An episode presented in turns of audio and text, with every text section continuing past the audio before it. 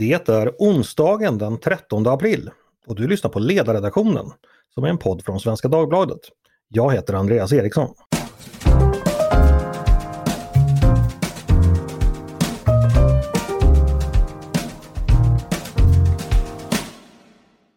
Varmt välkomna! Nu är det mindre än fem månader kvar till valet. Vad är det vi kommer att prata om fram till dess och vilka frågor kommer vara viktiga för oss väljare när vi väl går iväg och röstar i september? Det ska vi tala om idag med mina tre kloka gäster, nämligen Torbjörn Sjöström som är VD på opinionsundersökningsföretaget Novus, Kalle Melin, statsvetare och forskningsledare på tankesmedjan Futurion och Jan-Erik Larsson, medarbetare på Svenska Dagbladets ledarsida och smått legendarisk opinionsräv inom svensk näringslivssfären. Välkomna alla tre! Tackar! Tack! Trevligt! Jag tänkte börja med dig Torbjörn. Eh, du ska få stå lite för sakkunskapen här. Eh, vi börjar väl från början. Vilka frågor intresserar svenska väljarna eh, främst idag när man frågar dem? Ja, eh, alltså sjukvården ligger ju alltid i topp. Eh, och det har den väl gjort så länge man kan minnas. Men, men efter det så kommer faktiskt lag och ordning, skola, utbildning, invandring, energipolitik, eh, miljön. Men även försvaret har rusat på senaste tiden. Mm. Om man kollar historiskt, är det någon av de här frågorna som är lite mer ovanliga på topplistan? alltså, framförallt är det ju energipolitiken som började mm. bubbla i somras förra året och eh, försvarsfrågan nu som, som ju kanske är det mest påtagliga. Försvarsfrågan har ju alltid legat väldigt lågt. Vi har, inte, vi har inte trott att det ska hända någonting i Sverige och nu finns det väl ett ganska brutalt uppvaknande för svenskarna precis som resten av Europa och världen. Mm. Finns det någonting, bara kort sammanfattningsvis, eh, att, man, att de här frågorna, att man är intresserad av dem och tycker de är viktiga. Hur påverkar de hur man röstar? Vet vi någonting om det? Eller hur man väljer parti? Eh, ja, jo, men det, det, det ligger ju väldigt mycket i det. Egentligen, steg ett är att du måste lita på partiets företrädare. Men förutsatt att du litar på dem tillräckligt mycket så att du kan börja värdera den politiken så kommer ju sakfrågorna att vara viktiga. Mm. Eh, visst, det, det, finns ju det som säger att det inte är så jätteviktigt vilka frågor man, man, man röstar på och att plånboksfrågorna kanske blir lite snabba men blir lite närmare. Men, men det, det jag ser att det är ju en helhetsbedömning och eh, har du valt ett parti, sett att till, litar tillräckligt mycket på partiets företrädare så kommer du att värdera de sakfrågorna som finns på de partierna det, det, här med ideologin har försvunnit i väldigt många partier sedan länge. Att det här med att man alltid var socialdemokrat och fortsatt är det, det har ju, det har ju förändrats för väldigt många nu. Utan nu blir det sakfrågor i större mm. utsträckning. Just det. Tack för den lilla introduktionen. Eh, vänder mig till Karl när du hör den här listan. Eh, sjukvården allra först, eh, sen invandring, brottslighet, försvar, energi, klimat den agendan, vad, vad skulle du, vad, vad, tänker du om den och eh, vad betyder den skulle du säga för eh, partiernas liv just nu? Ja, det är klart att agendan har stor betydelse, framförallt om en fråga är viktig för väljarna där det bara finns ett parti som så att säga sticker ut. Det är klart att Miljöpartiet historiskt, de kom in i riksdagen första gången 1988 när miljöfrågan var högst upp på dagordningen och de andra partierna inte riktigt hade någon utvecklad politik där. På samma sak är det klart att när migrationsfrågorna blev stora kring 2008-2009 efter finanskrisen och Sverigedemokraterna var det enda partiet som tydligt stod för en annan migrationspolitik så gynnades de. Och det är klart att sjukvården just nu gynnar ju Socialdemokraterna i och med att man är ett parti som har ett stort förtroende i välfärdsfrågor och sjukvårdsfrågor även internt på den borgerliga sidan kan man tänka sig att det gynnar Kristdemokraterna för relativt sin storlek är Kristdemokraterna ett parti som har ganska stor trovärdighet i sjukvårdsfrågor, även om den kanske blockmässigt gynnar Socialdemokraterna mera än den borgerliga sidan. Sen, är det här, sen tror jag att det är viktigt att ha med det här med förtroende till exempel. Skulle man bara fråga bästa försvarspolitik, då kanske partierna tänker ja, men vilka vill ge mest pengar till försvaret? Eh, det kanske är Moderaterna. Det behöver inte betyda att man i en kris som just nu har störst förtroende för det. Det verkar ju i alla fall som att eh, man har större förtroende för i alla fall Magdalena Andersson än Ulf Kristersson i det här. Så det är liksom både en fråga om kompetens och sakfråga. Jag tror försvarsfrågan faktiskt gynnar både Socialdemokraterna och Moderaterna medan mm. den gör andra partier mer perifera. Mm. Vi ska återkomma till den tänkte jag, för den är så viktig just nu. Jag tänkte bara släppa in eh, Jan-Erik, när du ser den här spelplanen så att säga, är det något som överraskar dig och tror du att den passar det rödgröna blocket bättre eller det borgerliga blocket eller är det jämnt skägg? Vad skulle du säga? Jag tror det finns jag tänker på två saker. Det ena är att jag tror att vi fortfarande underskattar ekonomin, hushållsekonomin, det ekonomiska läget för medborgarna som en viktig fråga som kommer att bli viktigare ju längre vi går. Jag följer ju en del internationell politik och där ser vi ju hur inflationen har blivit en, en, en, en snabbt växande fråga och den är ju på väg upp i Sverige och när, när vi när Torbjörn nämnde energipolitiken så tror jag att det handlar både om energipolitik som politik men också energipolitik som, som eh, del av det som berör hushållsekonomin. Så att eh, ja, och sen den andra, det andra är, som också berörs tidigare som jag tror kommer att bli viktigare som är jättesvårt att, att placera in i det här och det är förtroendefrågan. Vi har, kommer ha bakom oss fyra extremt stökiga politiska år och frågan är hur, hur, det, hur det kommer att speglas i diskussionen. Och då, då tänker jag inte på valdebattsdiskussionen utan på samtalet vid köksbordet, vid fikabordet. Mm. Som kan bli ett annat än, än, än, än, än så att säga det här när man radar upp de här sakfrågorna. Vi tar väl och bollar vidare båda de där sakerna till Torbjörn tänker jag. Torbjörn, plånboksfrågorna, ökade kostnader eh, för, för energi och för mat och höjda priser. Ser vi att det börjar oroa folk någonting? Ja, jag menar, energipolitiken är ju helt klart eh, en kombination både av eh, problemet med, med osäker energitillgång men också att priserna har skenat. Och och även lag och ordning kommer in där på, den, på en del, alltså kanske inte ekonomiska tryggheten men den, den, mänskliga tryggheten som också är en dimension och den ligger som en näst viktigaste fråga just nu.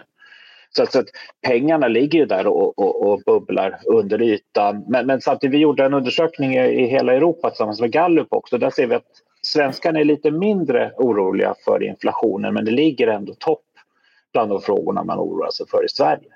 Så att det, det, finns, pengarna finns ju här och det, det är självklart om, om, man märker att man börjar få för lite pengar kvar i slutet på månaden eller för mycket månader kvar i slutet på, på lönen så kommer det att påverka ganska mycket.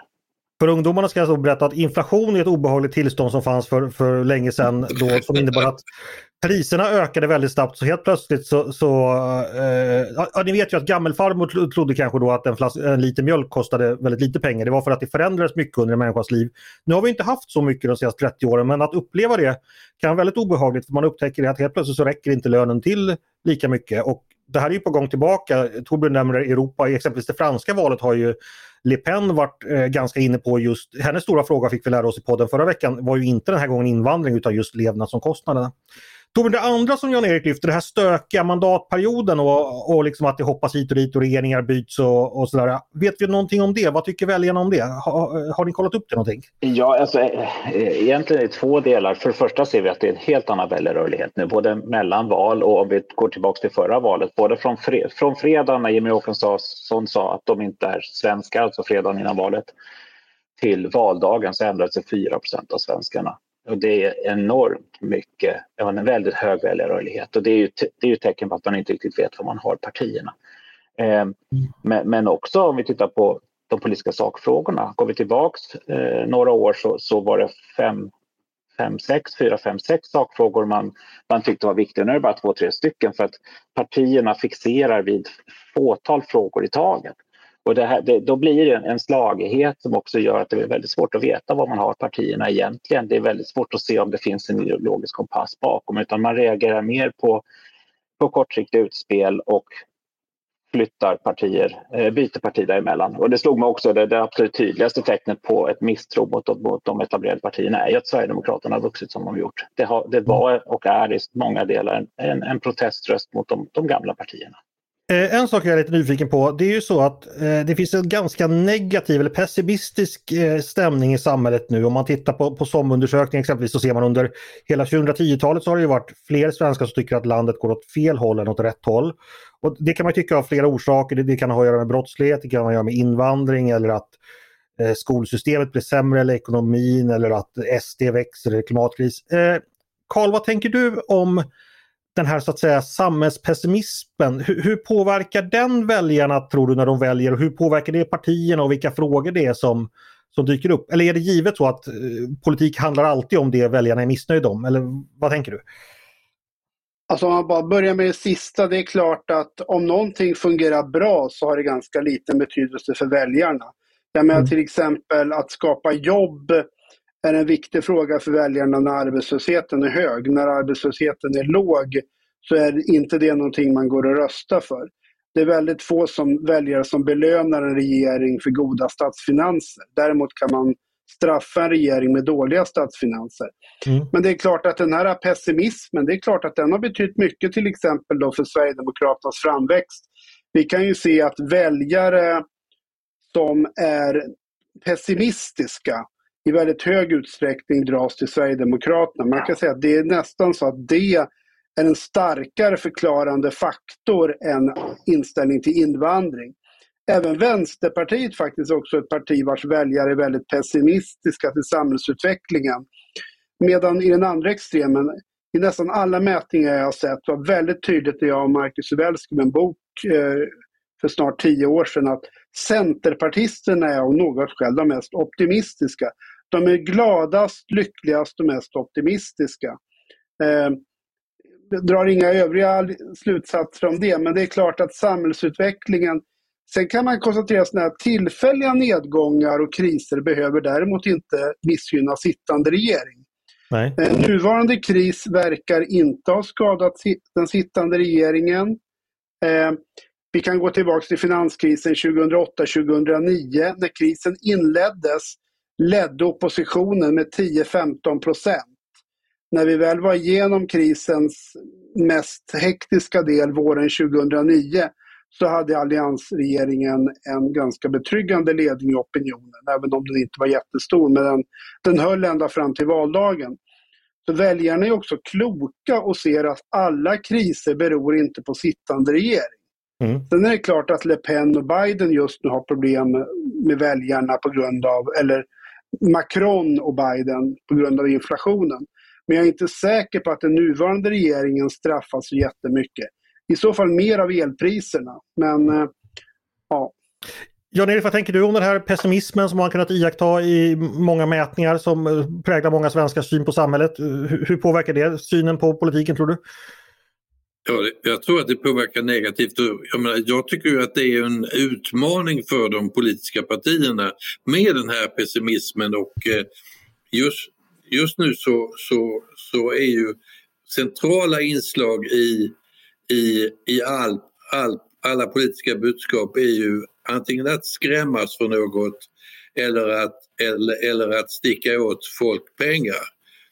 Och jag tror inget, inget av de elementen är så att säga kommer att säkerställa en, ett, ett ökat politikerförtroende. Och jag vet inte heller om man, om man fångar, fångar så jättemycket väljare på det. Därför att jag tror att när det gäller det här med otrygghet och så vidare så jag tror inte att det är något parti, möjligtvis kan Magdalena Andersson med sin bakgrund som finansminister ha ett förtroende när det gäller ekonomi men det beror nog lite på hur, hur det går med, med den här berömda inflationen som Andreas berättade om därför att den har inte kommit i Sverige än men jag tror att den kommer att bli mer påtaglig mellan nu och, eh, och september. Bland annat på grund av att efterverkningarna av Ukraina-krisen är, är ännu jättesvåra att, eh, att eh, att identifiera. Jag menar, vi kan få, få bristsituationer av ett slag som, som, som vi inte vet nu och vi kan jag menar, om, om Europa stänger ner rysk olja och gas så kommer det, ja, det är, så, det, det är mycket som kan, kan hända här och, eh, och då, då kan det bli så att det inte är sakfrågorna utan personförtroende som kommer att, eh, att avgöra val i, i eller vad, vilket val väljarna väljer. Mm. Eh, nu har vi båda varit inne lite på det här med, med, med kriser och vi kan vända oss till Torbjörn lite, den kris vi lever i sedan den 24 februari. Hur har eh, det ryska kriget mot Ukraina påverkat svenska väljare när det kommer till partisympatier? Vet vi någonting om det än så länge? Mm. Ja absolut, det, det liknar faktiskt väldigt mycket starten på coronapandemin. Att socialdemokrater, förtroendet för Socialdemokraterna har, gick kraftigt uppåt. Eh, det gjorde det för en månad sedan men nu den väljarbarometer vi släppte häromdagen, där, där hade de planat ut och det är ganska, ganska stiltje i väljaropinionen just nu. Men det, det är en extraordinär händelse. Väljarna avvaktar och, och ser väl framförallt att vi ska komma ur den här krisen. Precis som det, det var samma, samma tendens med pandemin också. Precis efter, initial uppgång för S, sen planade det ut och var ganska stilla. Mm. Eh, men apropå förtroende för partiledare också så finns det en intressant att Magdalena Andersson har nu förtroende både från moderater och sverigedemokrater och det är någonting vi inte sett sedan Reinfeldt och Löfven stod mot varandra. Eh, för då, då mellan den här perioden så var det med att en moderat kunde inte förtroende för en socialdemokratisk ledare och, och vice versa för att det har blivit så pass polariserat. Men Magdalena Andersson har brutit sönder den här polariseringen faktiskt, vilket är intressant. Troligtvis på grund av att hon, hon har valt att äh, tolerera en budget som eh, M, KD och SD eh, mm. har, har, petat i. Så att, men, men, men det där det, det, det, det bådar gott för S om man säger så inför valet utifrån mm. en förtroendeposition. Där har du koll, det båda gott. Det var, väl, var väl glädjande. Eh, visste du om det här, det som Torbjörn berättar, att eh, det var så starkt förtroende även från moderater? Nej, men jag har ju sett mätningar som visar att 62 procent av väljarna, tror jag jag såg i någon, jag kommer inte ihåg vilken, och det är olika mätningar som har stort förtroende för Magdalena Andersson. Och det är klart att med tanke på hur jämnt det är mellan blocken så har du 62 procents förtroende så har du ett väldigt stort förtroende även på den andra sidan. Mm. Och eh, det som är intressant är naturligtvis hur de osäkra väljarna, de osäkra väljare som går och röstar, Eh, där skulle jag tänka mig att de förmodligen då har ett större förtroende än vad väljarna i stort sett har på den andra sidan. Så det är klart att just nu är det väl lite fördel regeringen. Eh, men det, det, är ändå så polariserat. Eh, och skillnaden mellan blocken är så små. Så det är klart att mycket kommer att handla om till exempel Miljöpartiet och Liberalerna, hur det går för dem. Det kommer inte att, även om S regerar vidare på ett eller annat sätt, så kommer det inte vara någon jättemajoritet. Eh. Nej, det, det är jämnt som sagt. Eh, en fråga, sak jag är lite nyfiken på, jag tänkte vända mig till Jan-Erik där. Eh, från ett borgerligt perspektiv, eh, vi gillar ju att prata skattepolitik, vi gillar att prata företagande, eh, hur Sverige ska ha mer tillväxt, eh, att få arbetslinje och så vidare. Det kanske inte är jätteframträdande frågor, varken i debatten eller när det gäller liksom väljarnas intresse just nu. Eh, är det ett problem för den borgerliga sidan och varför har man inte lyckats få upp sådana frågor bättre på agendan? Har du några tankar kring det? Jag tycker det är en jättebra fråga och, och jag funderar mycket över just denna avsaknad. Och det har ju, de frågorna har ju saknats ganska länge nu i, i svensk politik. Vi har, vi har liksom vant oss vid någon sorts eh, normalitet och, och då, då har man inte samma behov som man tidigare haft. Eh, eh till exempel då kring valet 2006 att, så att, säga, att se behov av reformer, förändringar och så vidare. Så att eh, jag tycker att det är en, eh, jag tycker det är en stor brist och eh, jag antar att det är eh, att de borgerliga partierna gör undersökningar hos Torbjörn som visar att det inte finns något gehör för, för så att säga, mera fundamentala näringslivsfrågor, produktivitet, effektivitet, dynamik, export, jag menar, hela, allt, allt sådant eh, som, eh, som jag tycker saknas. Mm. Vi kan ju fråga Torbjörn direkt, du behöver inte avslöja några kundhemligheter Torbjörn, men, men, finns det utrymme för, skulle det finnas utrymme att prata mer om den här typen av frågor tror du? Eh, ja, alltså egentligen borde det det, men det har blivit någonting konstigt. Och, alltså, då ska man kanske påminnas om att den politiska arenan sätts av nyhetsmedia. Så det är nyhetsmedia som, som fokuserar på vilka frågor som är viktiga, hur de ramas in och väldigt mycket kontexten kring det. ta, ta skolan och utbildningsfrågan till exempel så så handlar ju det tidigt att man inte, ingen som vill att pengar ska, att någon ska lura folk på skattemedel, såklart. Det är ju, och i och med att det blev inramningen kring skolfrågan så, så blev liksom frågan om, om valfriheten kom vid sidan av. Eh, effektivitet, det är någonting som jag har tänkt på länge, att det, det har kommit, blivit som en bild av att allt offentliga är 100 effektiva och det, och det privata är skurkerier, för att förenkla det lite. Liksom att man, man stjäl pengar från det offentliga. Och det är ju inte riktigt sant. Klarar man att göra någonting effektivare på samma krona inom det privata så borde det vara bra. Men det går ju inte att prata om den frågan i, på den arenan som vi har just nu kring hur mediediskussionen är.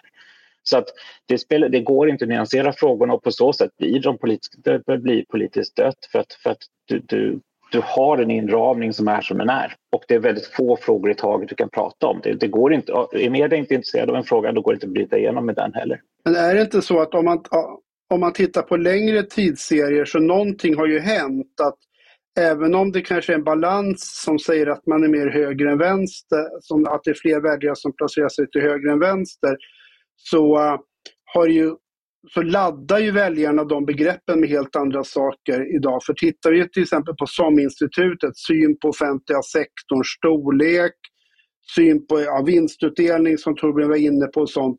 Väljarkåren har egentligen aldrig, sen du får gå tillbaka till tidigt 80-tal för att hitta en väljarkår som är så långt till vänster när det gäller ekonomi och välfärd. Möjligtvis därför att man ser till exempel väl, valfrihet som något som alla är för. Mm. Eh, och då blir det liksom bara liksom storleken på kalaset. Och där kanske borgerligheten har släppt lite av sin opinionsbildning. Man har tänkt för mycket på nu ska vi vinna arbetarväljare från S genom att prata om kultur och invandring och sen har man slutat opinionsbilda för en mer, vad ska man säga, ja, högerliberal ekonomisk politik. Är det så Torbjörn att eh, det som eh, Kalle beskriver här att eh, när det gäller val, synen på valfrihet eh, i, i välfärden och sådär att eh, ja, borgerligheten har tappat lite greppet om väljarna där med sin traditionella syn? Ja, ja, det, det tror jag, men jag tror man lite har gett upp. Man, man kände att man förlorade den här skoldiskussionen. Eh, hoppas att den inte skulle sprida sig. Eh, och det är som, som Kalle säger också att alla tar valfriheten för givet eh, men kanske inte begriper att det, det, kan finnas en konflikt mellan valfrihet och, och eh, om det bara är en, eh, om alla skolor är, är kommunalt drivna eller vissa vill statligt drivna så, så är det svårt med en faktisk valfrihet.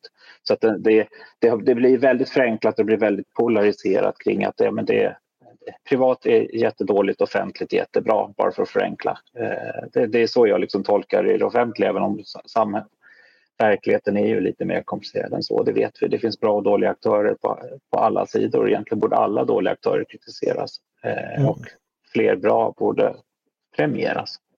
Jag ska släppa in Jan-Erik här, för jag vet ju att det, det är få frågor som du har ägnat dig så mycket åt som just de, de här frågorna, Jan-Erik. Alltså, vad tänker du om opinionen kring valfriheten eh, och privatiseringar och offentlighet i, i välfärden?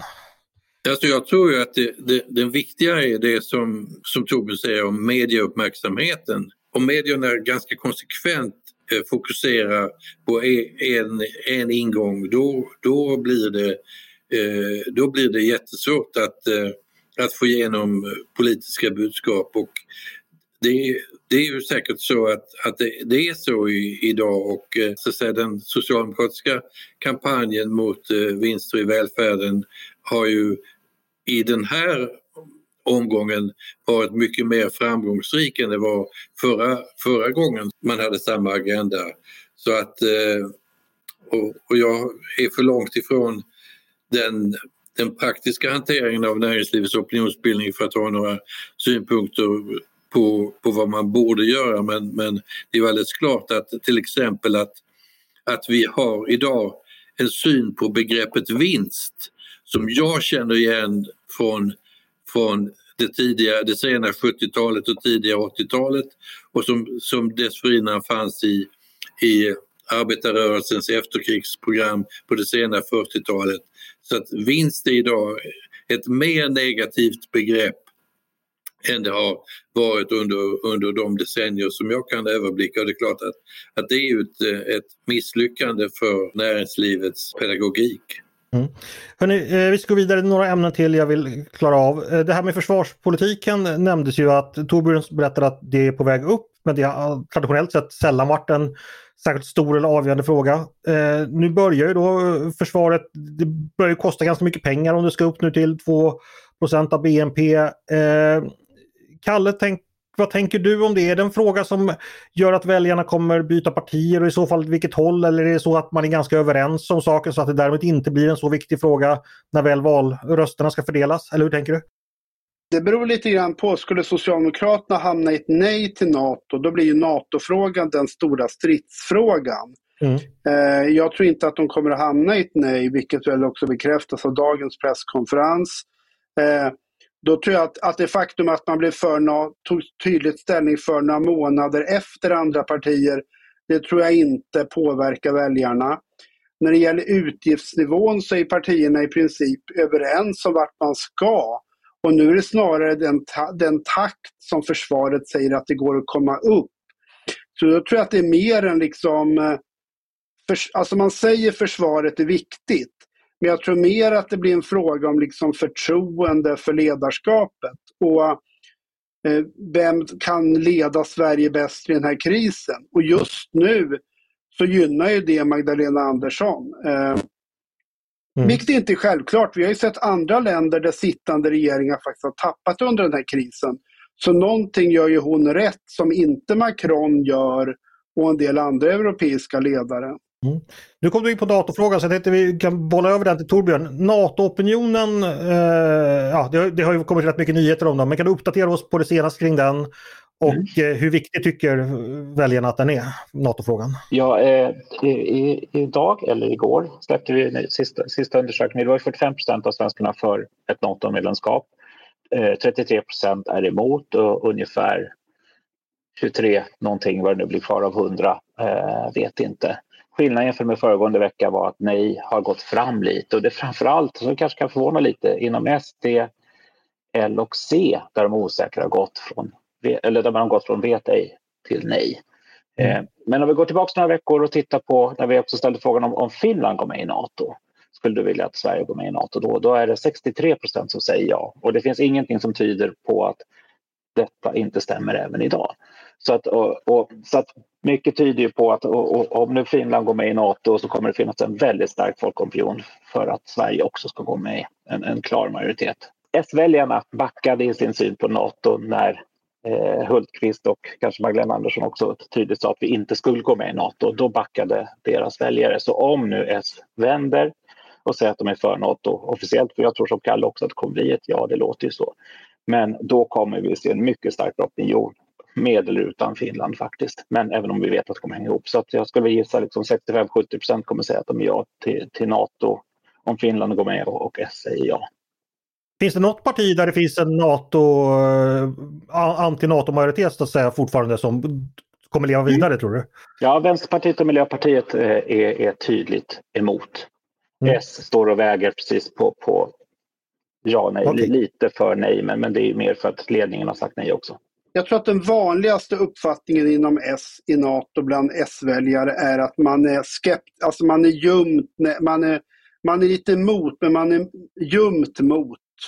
Vilket in, och med tanke på partiledningens just nu höga förtroende så tror jag att de här ljumma nej kommer att bli ljumma ja den dag Magdalena Andersson säger att hon uppfattar att det här är bästa för Sverige. Eh, därför att man helt enkelt, ja, man, man ser det finns för och nackdelar eh, och man har förtroende för de personer som så att säga då ska ta ställning till om fördelarna överväger nackdelarna. Jan-Erik, dina tankar kring eh, ja, både försvar och, och säkerhetspolitiken och NATO-frågan i, i, synnerhet. Hur tror du den slår i opinionen? Alltså, jag, jag är helt övertygad om att, att den avgörande faktorn är Finlands val. Därför att jag menar, de som kan historien vet att Sverige gick inte med i NATO då i slutet av 60-talet på grund av eh, att man efter efter de båda eh, finsk-sovjetiska krigen så var man, var man lojal mot, mot Finland som då hade en, en sån exceptionellt besvärlig situation. Och det gör att, att, att det finns kvar och att, att inte följa med Finland om Finland skulle välja NATO-medlemskap tror jag skulle uppfattas av många svenskar som, som, så mycket konstigt.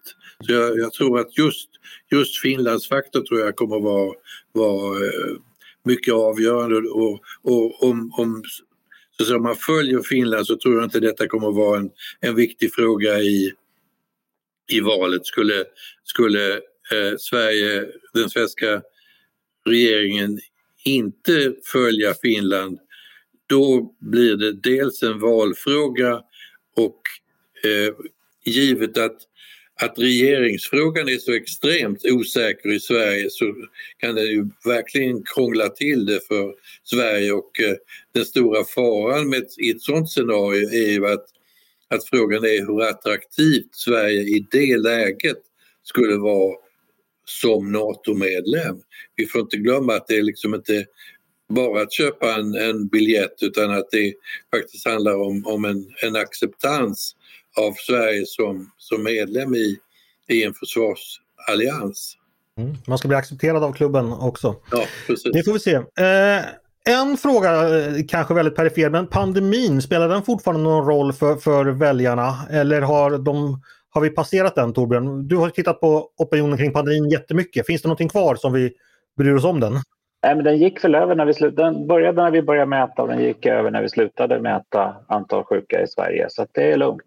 Det är lugnt, ingenting ja. påverkan. Ja, ingenting. Då... Men det betyder inte att den ska komma tillbaka. Men just nu så det, det är ju nästan fascinerande. Man blir, blir ganska matt också när man inser att vi bestämde oss att vi inte ska med, eh, testa som vi är sjuka. Ja, då försvann ju pandemin från Sverige. Men då kom Ryssland så... istället. Så ja, då kom Ryssland istället. Eh, vi ska börja runda av. Jag tänkte bara fråga er eh, nu om det är någonting i opinionen när vi talar just sådana här sakfrågor som ni tror kommer segla upp nu under sommaren eller valrörelsen. Jag förstår att det är svårt att titta in i framtiden men om ni ändå har liksom en liten aning eller en räv bakom örat att den här frågan kan nog komma att vara viktigt av den anledningen eller inte. Eh, får ni gärna nämna det. Jag tänkte börja med Torbjörn. Har du någon sån där du skulle vilja höja ett varningsfinger? Eh, redan i, eh, alltså i januari kände jag att liksom energifrågan kommer ju vara, vara, vara grejen och det kommer ju vara det jobbigaste för resten också som Kalle var lite inne på också i och med att man framförallt är man, man många sura för att man har stängt ner kärnkraftverken utan att ha några alternativ. Men sen mm. tror jag om nu den här sommaren kommer vara som de andra är så kommer det vara väldigt många rapporter om skjutningar och antagligen har man då medialt tröttnat lite så att säga på, på, på, kriget så att det kommer bli inhemsk rapportering. Och det kan också bli ganska jobbigt för, för regeringen, eh, mm. tror jag. Men, men det är väl lag och ordning och energi som jag tror kommer liksom vara, vara några som dyker upp och blir lite svåra att ignorera. Jan-Erik, har du något medskick på någonting du tänker kan bli viktigt under de fem månader som är kvar till valet? Ja, alltså, jag, jag tror att vi, vi den här valrörelsen kommer att skilja sig från, från många valrörelser jag upplevt, nämligen att medierna brukar bestämma sig för att svenska valrörelser då är Sverige det enda landet på jorden som existerar. Så att någon internationell fråga har varit otänkbar i, i, i svenska val så länge jag kan, kan minnas. Men nu har vi osäkerheten med, med, med Ukraina som kan göra att, att, så att, säga, att spelbordet kan förändras under de här eh, kommande månaderna på ett sätt som ingen av oss idag riktigt kan förutse. Så att osäkerheten tror jag är underskattad i, den, i en svensk diskussion som bara utgår från opinionsundersökningar baserade på inhemska svenska frågor. Mm. Och Kalle slutligen, är det någonting du har funderat på som du tror kan, kan komma att spela roll som kanske vi andra inte har tänkt på? Ja, inflationen som Jan-Erik nämnde, om den håller i sig. Jag tror mer på bensinpriserna i och med att det finns en årstidsvariation i elpriserna som gör att de kommer inte vara lika aktuella. Men bensinpriserna när folk ska ut och resa, skjutningar och även miljö om det blir klimat, om det blir en väldigt varm sommar. Mm. Alltså det kan avgöra om Miljöpartiet blir kvar i riksdagen om vi får eh, skogsbränder och, mycket, och liksom klimatproblem under sommaren. Det finns också en annan joker.